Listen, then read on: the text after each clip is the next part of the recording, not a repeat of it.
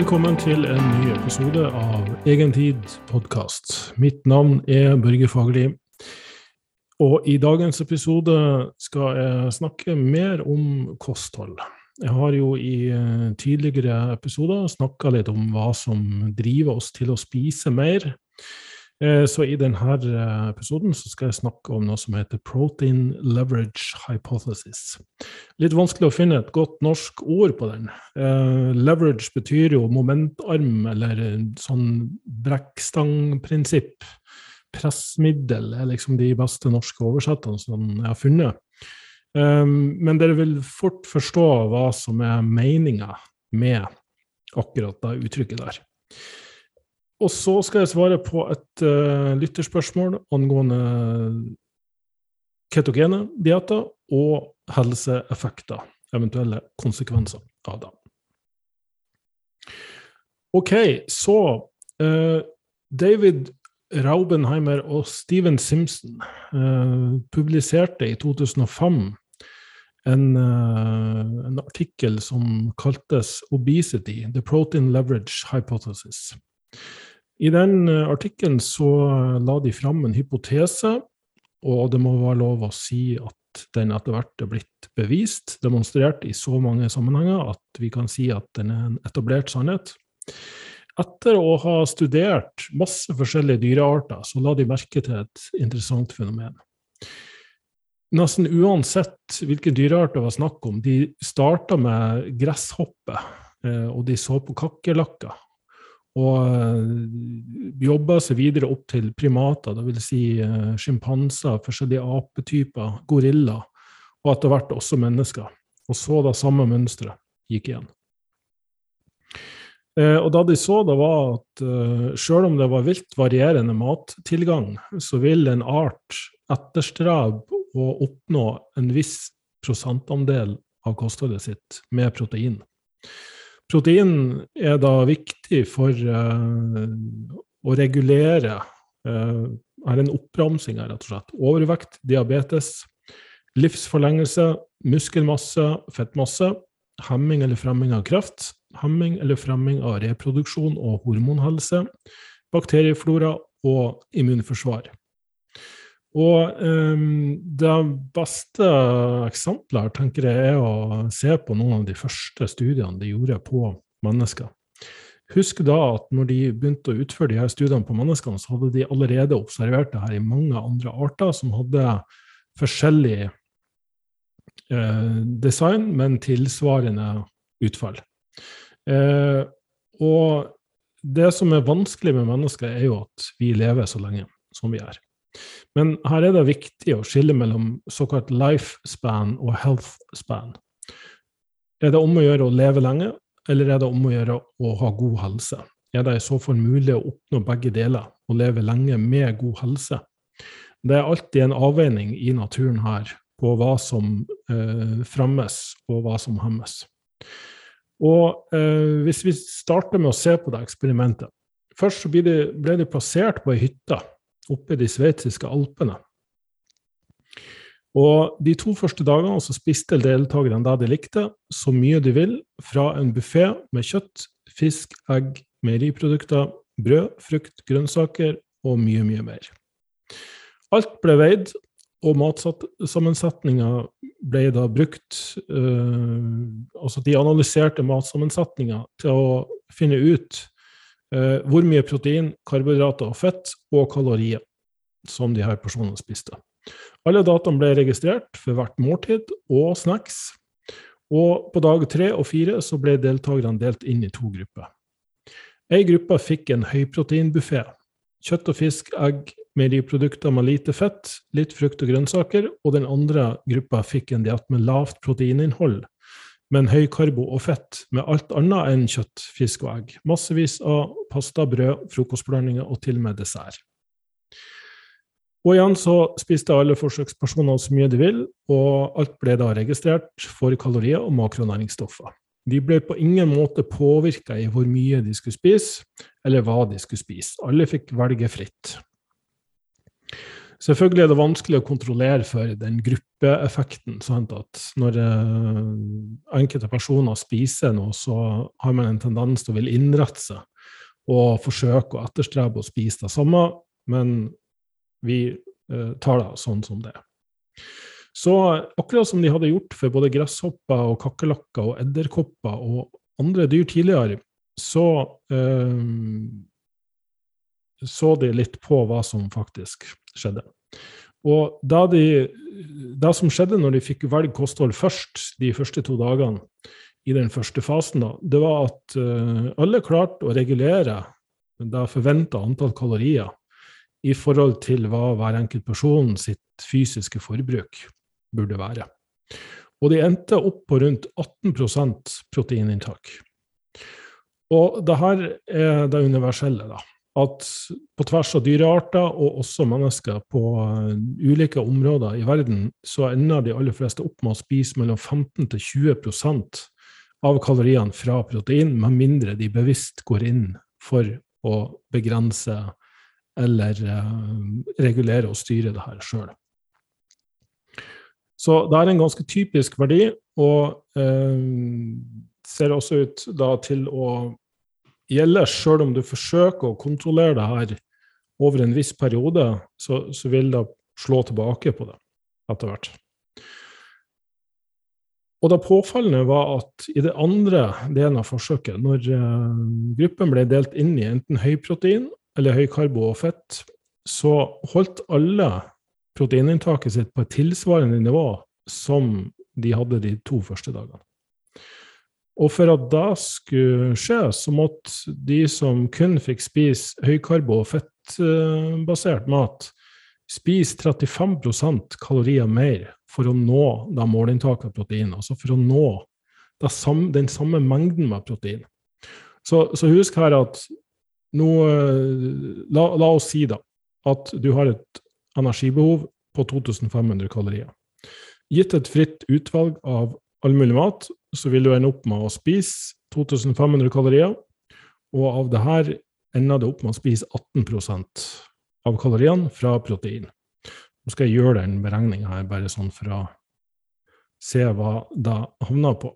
For denne personen da, som spiser 18% kalorier og 2500 18 eh, av kaloriene fra protein, så er vi på 112,5 gram protein.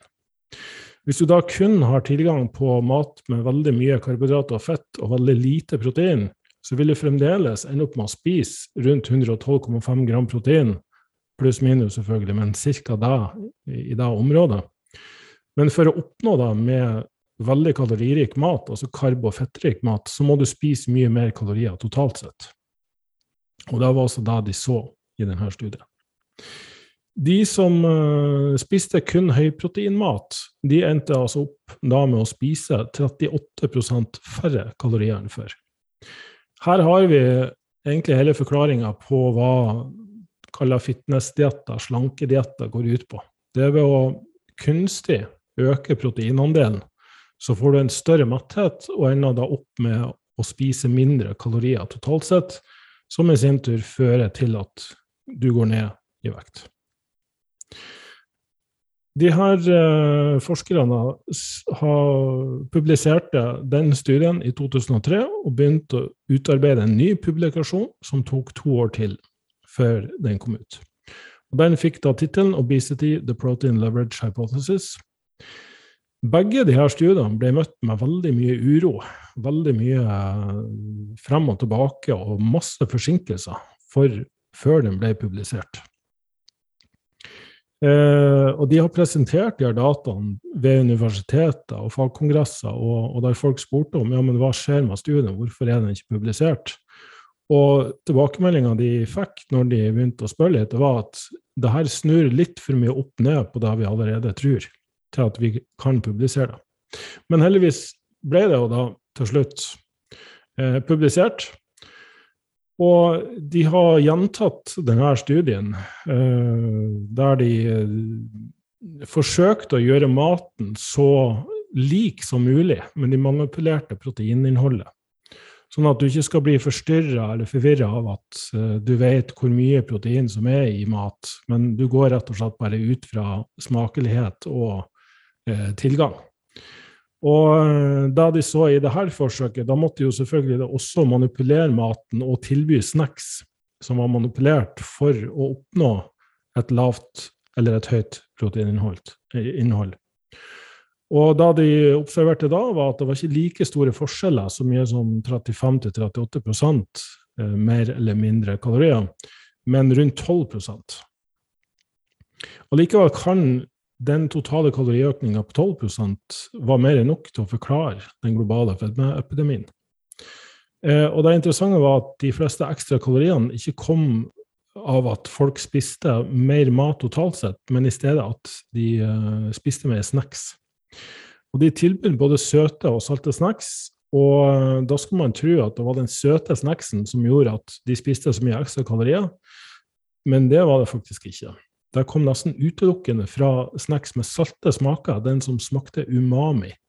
Umami er jo en smak som er et signal om at en matvare inneholder protein. Og den kan kunstig framstilles og inngår i veldig mye av det godteriet og snacksen som vi er vant til å spise og kan kjøpe på butikken. Så på den høykarbo- og fettdietten og lavproteindietten da, ble forsøkspersonene lurt til å spise ting som bare smakte protein, men som faktisk var veldig bearbeida karbohydrater. Og dermed endte de opp med å spise mye mer kalorier totalt sett. Ok, så um, hva er da konklusjonen av det her. Det her er jo blitt eh, repetert i gjentatte former. Jeg var senest inne nå i stad og fant en studie fra 2020 der de hadde bekrefta at eh, det samme universelle prinsippet gjeldte i den målgruppa de studerte. Så det er gått fra å være en teori til å bli en etablert sannhet.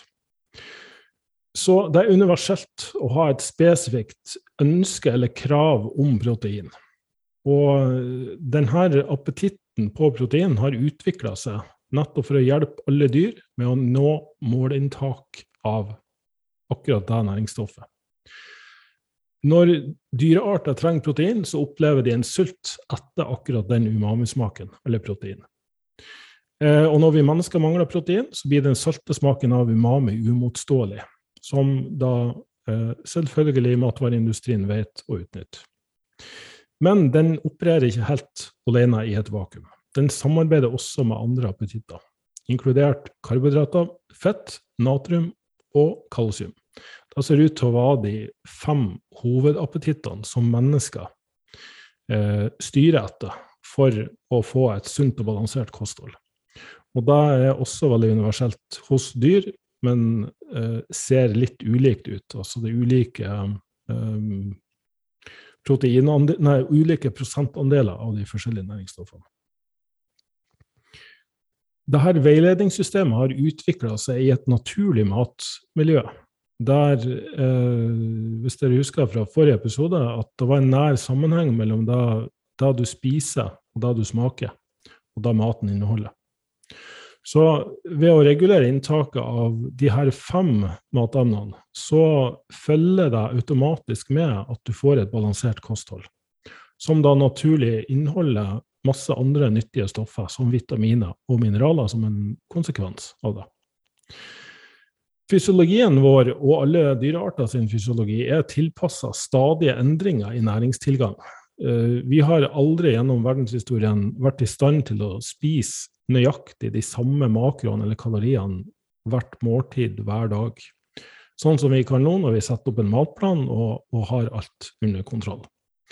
Det som da kan skje, hvis at din fysiologi ønsker noe annet enn akkurat den fordelinga du spiser, så vil det etter hvert akkumulere seg til at du får en sug eller en craving. Her er det noe som mangler, og dermed så får du signal til bevisstheten din om at du må spise mer av noe bestemt. Vi kan på mange måter si at alle typer sånn søtsug og cravings etter bestemte typer mat er vårt instinkt som uh, forsøker å få oss og drive oss til å spise, og så gjenvinne balansen. Vi vil jo til enhver tid være litt ute av balanse, men for å gjenvinne balansen så må vi spise mer av et eller annet. Men selv i naturen så er det jo da sånn at visse matvarer blir knapp, og at det ikke er mulig å spise balansert kosthold. Og under disse omstendighetene så konkurrerer appetitten med hverandre i stedet for å samarbeide. Og protein er stort sett da som vinner denne konkurransen, og derfor er det nok at vi som driver som kostholdsveiledere og coacher og trenere, har så stor suksessrate når vi får folk til å spise mer protein i hvert måltid. Det rett og slett gjør at du spontant ønsker å spise mindre kalorier, og det aller mest vanlige tilbakemeldinga jeg får, er nummer én det her er veldig mye mat. Nummer to ulike sånn cravings og søtsug er helt totalt borte. Så eh, hvis matmiljøet, eller den maten du velger å spise, inneholder for lite protein, da vil vi overspise helt til vi har tilfredsstilt denne proteinappetitten. Hvis andelen protein er større enn det kroppen vår krever, så vil proteinappetitten tilfredsstilles raskere når færre totale kalorier har blitt inntatt. Legg nå her imidlertid merke til at det er mulig å spise lite protein, men allikevel ikke være allikevel ikke havner i den situasjonen at du spontant øker kaloriinntaket. Og den som ser ut til å regulere det her, er fiber. Så, så, fiber regulerer appetitt ved fravær eller for lite protein, sånn at det er mulig å spise lavt protein og likevel eh, regulere kaloriene bedre. Men husk på at i motsatt ende så betyr ikke det at mer protein er bedre. Langt ifra. Eh, alle organismene, alt fra gjærceller til fluer og mus og aper, har utvikla seg til å ikke overkonsumere protein av gode grunner. Fordi det slår på biologiske prosesser som fremskynder aldring og forkorter levetid. Et høyt proteininntak fremmer imidlertid reproduksjon og til en viss grad stoffskifte. Det er også med på å regulere immunforsvar. Så vi må ikke tenke på det her som en statisk greie. Eh, fordi hvis vi ser på eh, endringen av kroppen fra vi er baby til vi er gammel, så eh, er det et interessant mønster som gjenspeiler seg her. F.eks. morsmelk. Den inneholder 55% karbohydrater og kun 7% protein og 38% fett. Det er selvfølgelig gjennomsnittlige verdier. Gjennom, eh, gjennom, de første månedene av babyens levealder så endrer dette forholdet seg også etter hvert. Eh, og en baby må spise mye kalorier. Derfor er proteininntaket, eller proteininnholdet i morsmelka veldig lavt. Det er viktig at babyen uh, konsumerer mye kalorier. Uh, faktisk, hvis vi hadde overført det her til en voksen person, jeg har sett litt på hva guttungen spiser um, Og skulle jeg ha spist det samme, så måtte jeg ha spist mellom 7000 og 8000 kalorier. Hvis jeg hadde overført det her i kalorier per kilo kroppsvekt. Han er en fireåring i eh, vekst og masse aktivitet, så han har selvfølgelig et helt annet kaloribehov enn det en voksen person har. Så etter hvert som vi blir barn, også ungdom, kommer i puberteten, så kan vi si at et høyere proteininntak er positivt. Da begynner vi å nærme oss at det har rundt 20 er gunstig. Da avtar også fettprosenten. Vi kan faktisk ha opptil 20% i fettprosent som baby. Og det er veldig veldig viktig for at vi skal ha eh, god helse og bli sunn og sterk. Eh, gjennom puberteten og de første, ja, første del av 20-årene kan vi si, så kan et høyt proteininntak opptil 20, kanskje til og med 25% i korte perioder, spesielt hvis du driver med mye styrketrening og skal bygge muskelmasse, så krever det mer protein. Eh, og, og, da ser det ikke ut til å ha en like stor negativ effekt. Eh, men hvis vi fortsetter å konsumere det her langt opp i 30-40-50-årene, så kan det da faktisk føre til en kortere levealder. Eh, og altså selv om det fremmer reproduksjon, da, så, så, er ikke reproduksjon noe, noe du er avhengig av eh, til du er veldig, veldig gammel. Så når vi kommer opp i eh, holdt på å si middelalderen, men at vi begynner å runde 40, da kan vi faktisk si at et lavere proteininntak er gunstig, fordi det gjør at vi kan leve litt lenger.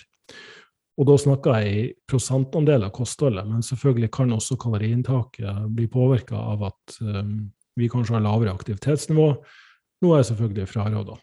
Jeg oppfordrer alle til å holde et høyt aktivitetsnivå, fordi det også er så viktig for god helse. Så skjer noe interessant når vi begynner å bli gamle, begynner å nærme oss 60.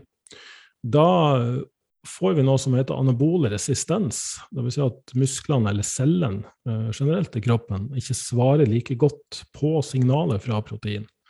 Og For å kompensere for det, så må vi faktisk øke proteininntaket igjen.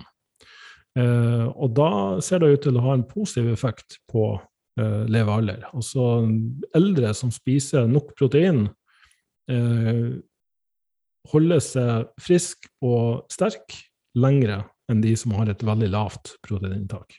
Så, så det får en litt sånn bølgeform, det her eh, anbefalte proteininntaket. Men igjen så har vi en intern termostat som vi faktisk kan stole på, og, og kanskje slutte å blande oss veldig mye borti da. Denne evnen til å balansere ernæringa som kroppen trenger, den har jo blitt alvorlig svekka pga. industrialiseringa av matsystemet. Så uh, miljøet vi lever i og bor i, har endra forutsetningene totalt, og folk har helt slutta å dyrke mat sjøl. Eh, en sånn interessant uh, demonstrasjon av det fenomenet er når vi sitter og ser på Farmen på TV, der det nå det må sensureres at man slakter dyr. Og folk får fullstendig panikkreaksjon av å se blod. Og, og jeg syns jo på mange måter det er interessant, fordi at dette er noe vi har gjort gjennom millioner av år. Det har vært en del av vår kultur. Vi er jegersankere, så vi spiser både animalsk, og vi har hatt respekt for naturen. Vi har ikke overdrevet noe som helst. Og vi har eh, fanga og spist hele dyret når det var aktuelt og eh, rett og slett utvikla en matkultur også, der vi tilbereder maten sånn at den nærer oss og fremmer god helse og fordøyelse. Så eh, det har gått litt i motsatt retning her og, og utvikla seg til trenddietter og kosthold som ikke ser ut til å være verken bærekraftig eller sunt for oss på, på lengre sikt. Jeg har fremdeles stor tro på at vi har et innebygd instinkt, men det er veldig vanskelig å stole på det instinktet i en verden som består av såpass mye prosessert og behandla mat. Vi har fått lavprotein, uh, altså mat som inneholder lite protein, til å smake unaturlig godt ved å tilsette sukker, fett, salt og diverse kjemikalier. Og uh, rett og slett fortynne proteinet i matforsyninga med billig og ultrabehandla fett og karbohydrater. Og det her kobler jo fullstendig fra bremsen på appetittreguleringssystemene, i tillegg til at det selvfølgelig er veldig fiberfattig. Så du kan i stor grad uh, komme litt tilbake til det her ved å sørge for at du får i deg nok fiber, og ved å sørge for at du får i deg nok protein. Det å spise nok protein er vel neppe et problem for de fleste av de som hører på denne podkasten. Du er nok allerede der at du spiser mer uh, protein fra før av, og til og med tar proteinshaker. Men husk da også at proteininntaket heller ikke bør overdrives. og Spesielt ikke hvis målet skal være at du skal ha en så lav fettprosent som mulig, og holde et kontinuerlig lavt kaloriinntak. Da vil til slutt innhente. Eh, og da reduserer jo også både immunforsvar og metabolisme at du går kronisk og underspiser. Så der eh, gjør du deg sjøl en bjørnetjeneste. Samtidig så er det litt sånn dumt, tror jeg, å bare være sint på matindustrien. For vi må huske på da at uh, matkulturen er promotert av mennesker. Også Aggressiv markedsføring av de her produktene, inkludert til barn, har gjort at det er blitt normalt. Og eh, der vi har en proteinappetitt, så har matvareindustrien en profittappetitt. Det er både konkurransesituasjon og krav fra aksjonærer, styret og ikke minst markedet at det fremdeles fremstilles og selges sånn her mat. Og når den maten da også er mye billigere enn da naturlig mat som er godt for oss, så, så forstår man da ut fra et sånn sosioøkonomisk perspektiv at, at, det er vanskelig å forene industri, industrielle interesser og folkehelse. Så det var litt sånn ranting og grubling rundt uh, akkurat det her med matsystemet. Uh, jeg vil anbefale også å lese den boka 'Eat Like the Animals', som uh, Raubenheimer og Simpson har publisert. Der står det mye mer om den forskninga de har gjort, og de perspektivene de har på det. Det jeg har nevnt i denne podkasten, er jo en sånn kort oppsummering av konklusjonen da. Og det er vel kanskje ikke så mye tvil lenger om hva som er årsaken til eh, overvekt. Um, Sjøl om vi fremdeles kan si at det er komplekst, og at det er selvfølgelig mye emosjonelt basert, og hvilket miljø man vokser opp i, og hvilke gener man er født med. Så det, det er mye som, som, spiller inn, for all del. Men jeg tror uansett at de aller, aller fleste kan være enige om eh, det fundamentale, som er sammensetning av mat og matkvalitet. Ok, så siste tema. Ketogent kosthold og kolesterol helse. Um, eller helse først og fremst, men kolesterol først og fremst. Fordi det er jo observert at uh, folk som går på et ketogent kosthold, kan få et veldig høyt kolesterol. Og kolesterol er kobla mot uh, risiko for hjerte-karsykdom. Her er det veldig sånn uh, komplekst igjen som alt annet er når det gjelder mennesker. Det som skjer med de aller fleste når de går på en ketogen diett, er jo at de spiser mindre kalorier. Når du spiser mindre kalorier og går ned i vekt, så forbedrer det i seg sjøl mange helseparametere. Triglycerider dropper, HDL-kolesterol øker, LDL-kolesterol kan gå ned. Og da sjøl om totalt kolesterol øker, så kan vi på mange måter forsvare det Nettopp fordi at det er så mange helse, andre helseparametere som blir forbedra. Men um, ehm, LDL er jo liksom det farlige, det dårlige kolesterolet. Litt sånn putta i en boks og uh, sett på merkelapp 'skummel', farlig. Her er en del uh, sammenhenger som må til for at du skal utvikle hjerte-karsykdom. Uh, og det er andre risikofaktorer som spiller inn. røyking, alkohol, overvekt, diabetes, inflammasjon, ikke minst. At du har en høy CRP og IL6. Altså du har inflammatoriske markører som, som, er veldig høy. Det som skjer da, er at LL setter seg fast i åreveggen. Det oksiderer, og det skaper plakk og avdeling, og kan etter hvert gjøre da at uh, du blokkerer uh, blodåret og, og får problemer med oksygentilførsel. Um, det som da skjer når vi ser på kosthold, er jo som regel fordi at vi lever såpass lenge som vi gjør, så må vi basere oss mye på populasjonsstudier. Og så må vi forsøke å, å se om folk som lever lenge, og folk som dør av hjerte-karsykdom, har de noen fellestrekk. Og her har det vært litt sånn opp og ned når det gjelder LDL-kolesterol, altså det farlige kolesterolet litt sånn, sånn, totalt sett så kan vi nok si at det er neppe veldig lurt å ha veldig høyt kolesterol eller høyt LDL-kolesterol. Men det er ikke en direkte sammenheng mellom kolesterol i maten du spiser, og kolesterolet du har i blodet ditt. I tillegg så må det ses opp mot andelen, altså fordelinga mellom HDL-kolesterol og LDL, og triglycerider, som er da fett eh, du har i blodet ditt. Frie fettsyrer. Um, har du hatt høyt kolesterol fra du var barn, også en arvelig disponering, så er det verre enn om du har hatt lavt kolesterol og eh, utvikla høyt kolesterol for en periode. Så er det òg forskjell på partikkelstørrelse, altså LDL-kolesterolet. Du kan ha mange små altså LDL er, et, uh, transport, er en transportør av kolesterol. Lipo, det er et lipoprotein.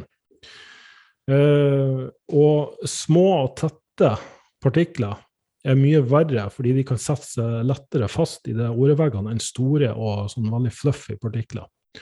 Og Da betyr som regel også at du har færre partikler totalt når de er veldig store og veldig sånn luftige. Det du kan se på for å finne ut om dette er tilfellet, er en markør som heter apolipoprotein B, ApoB, på en blodprøve. Så har du høyt LL og høyt ApoB, så, så er du i risikosonen. Veldig ofte følger de to hverandre, men ikke alltid. Så tilbake til det ketogene kostholdet. Det som ofte skjer når du reduserer karbohydratene, er at triglyseridene dropper. Og da gjør de også fordi du blir liggende i kaloriunderskudd. HDL eh, vil gjerne også øke, eh, og HDL kan ha en beskyttende effekt totalt sett hvis det utgjør en større andel av kolesterolet enn LDL. Eh, men så har vi også ting som kompliserer bildet mer, og det er hvilke typer fett er det du spiser av? Og det kan se ut som om det er en sammenheng mellom metta fett og LDL-kolesterol.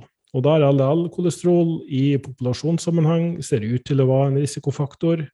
Så uh, er det ikke i alle populasjonsstudier vi ser det her. Og så er det òg veldig vanskelig å se på kortvarige studier. Selv om de er randomisert og kontrollert, altså av høy kvalitet, så er jeg ikke sikker at de her kan overføres til en person sin hele levealder. Altså fra de er null og til de er 80 eller 90. Så, så det her at vi må gjøre en del ekstrapolering fra de veldig kortvarige intervensjonsstudiene der vi manipulerer kostholdet og ser hva som skjer med blodlipidene, og så antar vi at dette har en risiko for hva som da skjer i observasjonsstudier når vi ser hva, hva, folk dør av når de er 80 eller 90, eller kanskje tidligere. da. Har de høyt eller har de lavt kolesterol? Det er faktisk til og med vist at enkelte dør tidligere fordi de har veldig lavt kolesterol. Og over en viss terskel, så, eller under en viss terskel, så ser ikke LL ut til å ha noen direkte sammenheng med sykdomsrisiko eller død i det hele tatt. Så igjen, her er veldig mange ting som spiller inn. Eh, vi kan også se på eh, fordelinga mellom metta, eller flermetta og enemetta fett. Vi kan se på karbohydrater. Eh, er det veldig prosesserte karbohydrater, så kan det øke risikoen for hjerte-karsykdom. Er det altså rotgrønnsaker og frukt og grønnsaker eh, og, og havregryn du spiser mest av, da kan karbohydrater ha en negativ effekt. Det vil si um, det, kan redusere risikoen for hjerte-karsykdom. Fiber og protein eh, teller jo selvfølgelig også da inn, nettopp fordi det tillater at vi regulerer kaloriinntaket vårt bedre. Eh, og hvis du da blir forhindra si, fra å ha overvekt. Altså det her hemmer Eller skal vi heller si gjør at du kan opprettholde ei normal, sunn kroppsvekt og ellers er i aktivitet. Da eh, har du en, en større sjanse for å leve lenge og ha god helse. Uh, og en òg glemt faktor i statistikken er jo den at befolkninga også øker. For hvis vi ser på antall uh, som dør av hjerte-karsykdom per 100 000 innbyggere, så har faktisk uh, forekomsten av hjerte-karsykdom falt dramatisk de siste 10, 20, 30 og 40 årene. Så, så, noe riktig ser det ut til at vi gjør, men vi har selvfølgelig også et bedre helsevesen. Det som ser ut til å kunne ha en effekt, er faktisk metta fett. Eh, men igjen, ikke alt metta fett, som jeg skal snakke litt om etter hvert.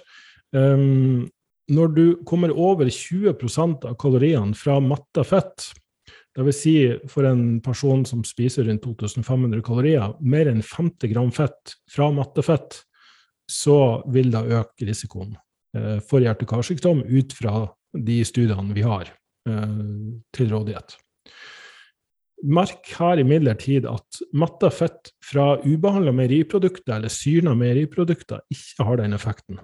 Smør kan ha en uh, negativ effekt, uh, dvs. Si at du har større risiko for hjerte-karsykdom, mens både fløte og rømme og, og yoghurt og helmelk har en nøytral eller til og med negativ effekt. Altså det kan redusere risikoen for hjerte-karsykdom. I verste fall har det ingen påvirkning. Eh, det samme ser ut til å gjelde kakaofett, altså sjokolade, fra sjokolade. Jippi, tenker mange der ute, nå kan jeg fråtse i sjokolade.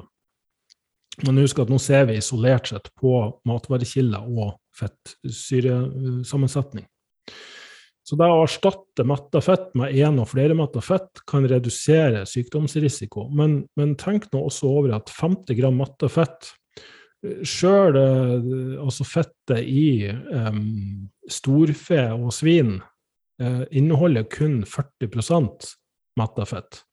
Så du må spise um, Du må spise faktisk uh, kjøtt som inneholder rundt 120 gram fett per dag, og kun da, for at det her skal begynne å, å bli en, en fare.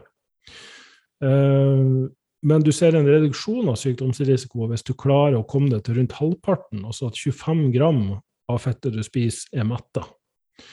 Um, og igjen kan mye av risikoen eh, reduseres hvis du får uh, Altså hvis du har et, et uh, variabelt kosthold som inneholder både nøtter og avokado, og vi kan til og med si planteolje, nettopp fordi at planteoljen er rikere på flerumetta og enumetta fett.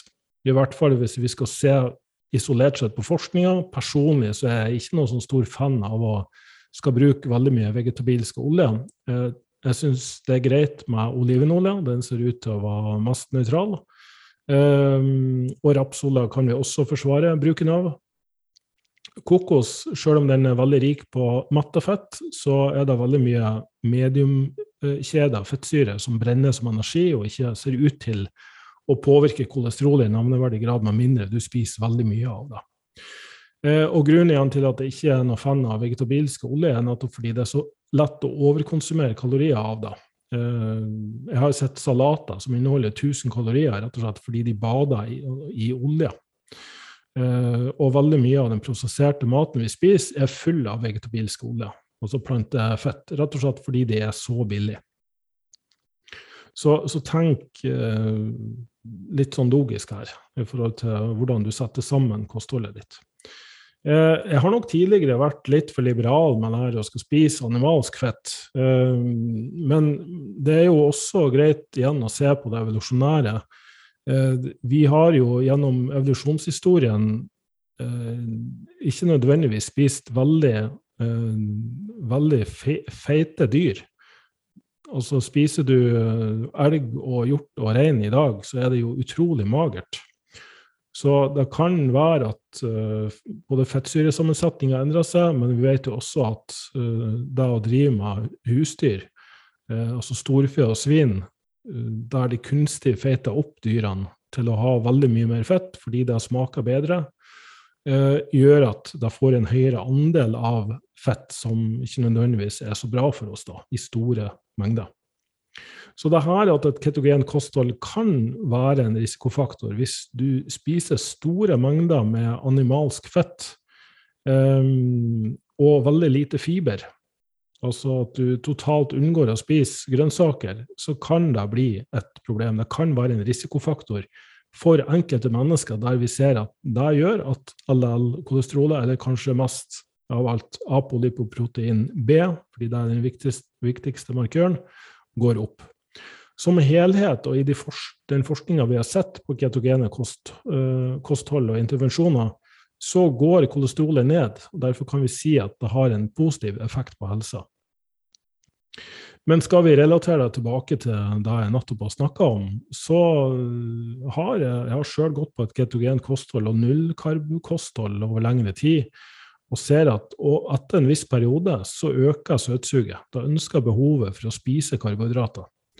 Og når vi forstår det instinktuelle som ligger bak, da at vi har ulike appetitter som inkluderer karbohydrater, så, og så er det selvfølgelig individuelt. Er du eskimo eller inuitt, så har du nok eh, sannsynligvis en lavere karbohydrat. eh, eller appetitt enn eh, en person som eh, lever i et mer vestlig samfunn, og spesielt rundt ekvator, der vi alltid har hatt tilgang på karbohydrater. Så, så, hvor du kommer fra, har nok også noe å si.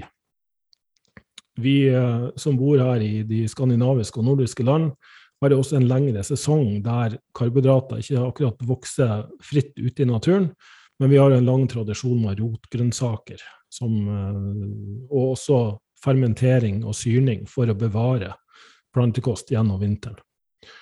Eh, som nok også kan forklare hvorfor eh, så mange opplever helsefordeler av å inkludere en viss andel av det i kostholdet sitt.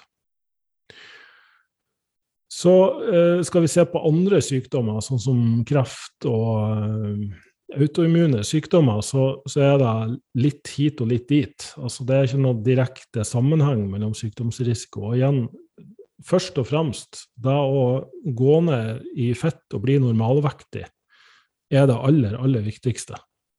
Men eh, jeg heller jo mer og mer mot at vi ikke skal drive og gifte oss fullstendig eh, med en bestemt kostholdsfilosofi, men faktisk prøve å kjenne etter hva vi trives best på.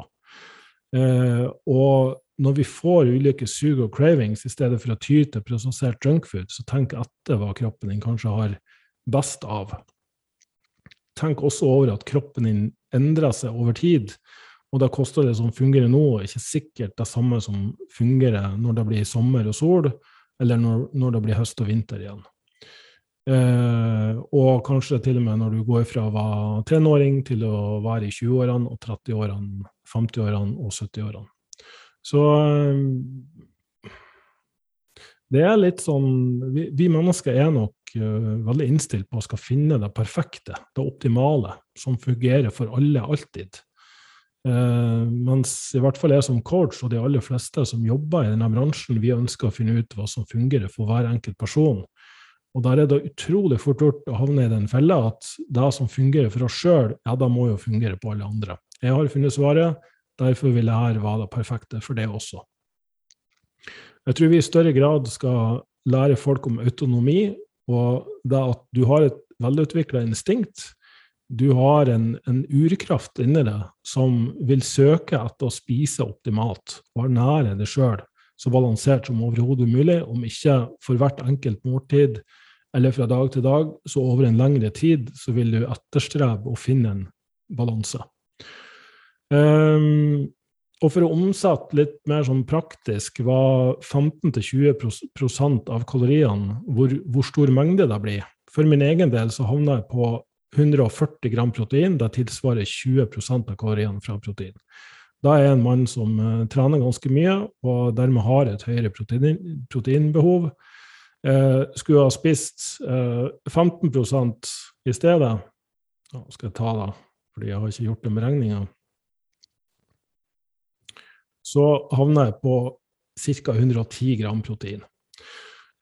så vi kan se at i gram per kilo kroppsvekt, så er vi rundt 1,2 til 1,5 gram per kilo kroppsvekt. Og da sammenfaller veldig med de anbefalingene som, som eh, bl.a. jeg bruker når jeg setter opp kosthold til folk. Eh, de som er i en periode av livet sitt der de kan bygge mye muskler, de er nybegynnere, nettopp begynt å trene, eller de har uh, gått fra å være trent til å bli utrent igjen, så kan du ha nytte av protein helt opp til 1,8 eller 2 gram per kilo kroppsvekt. Men når du har trent noen år og det blir stadig vanskeligere å bygge muskelmasse, så vil jeg nok ha tilnærma meg da området 1,2 til 1,5 gram per kilo kroppsvekt. Er du derimot veldig overvektig, så vil det her drive øh, proteininntaket ditt kunstig høyt, så da kan det være lurt å heller regne ut ditt energibehov ta en prosentandel av det, også rundt 15-20% For å gå ned i vekt så anbefaler jeg fremdeles et høyere proteininntak. Så i kortere perioder så kan faktisk proteinandelen utgjøre 40-50% av kaloriene. Nettopp fordi det vil gjøre at du blir fortere mett og ender opp med å spise mindre kalorier. Men etter hvert som eh, du nærmer deg normalvekt, så bør prosentandelen av protein eh, gradvis gå nedover mot 15-20 områder. Det er i hvert fall den takeawayen jeg har fra hele det her.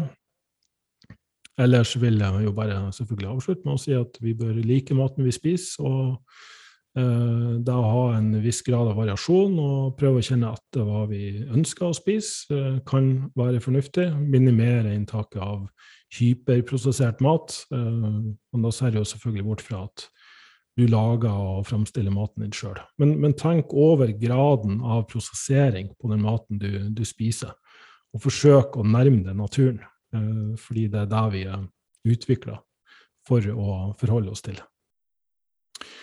Da vil jeg si tusen takk for at du hørte på så langt, og tusen takk til alle som har eh, sendt inn ønsker og forslag om temaet. Setter stor pris på at du lytter, følger med og gir meg kommentarer og tilbakemelding. Så tusen takk igjen for at du hørte på. Ha en fortsatt strålende dag.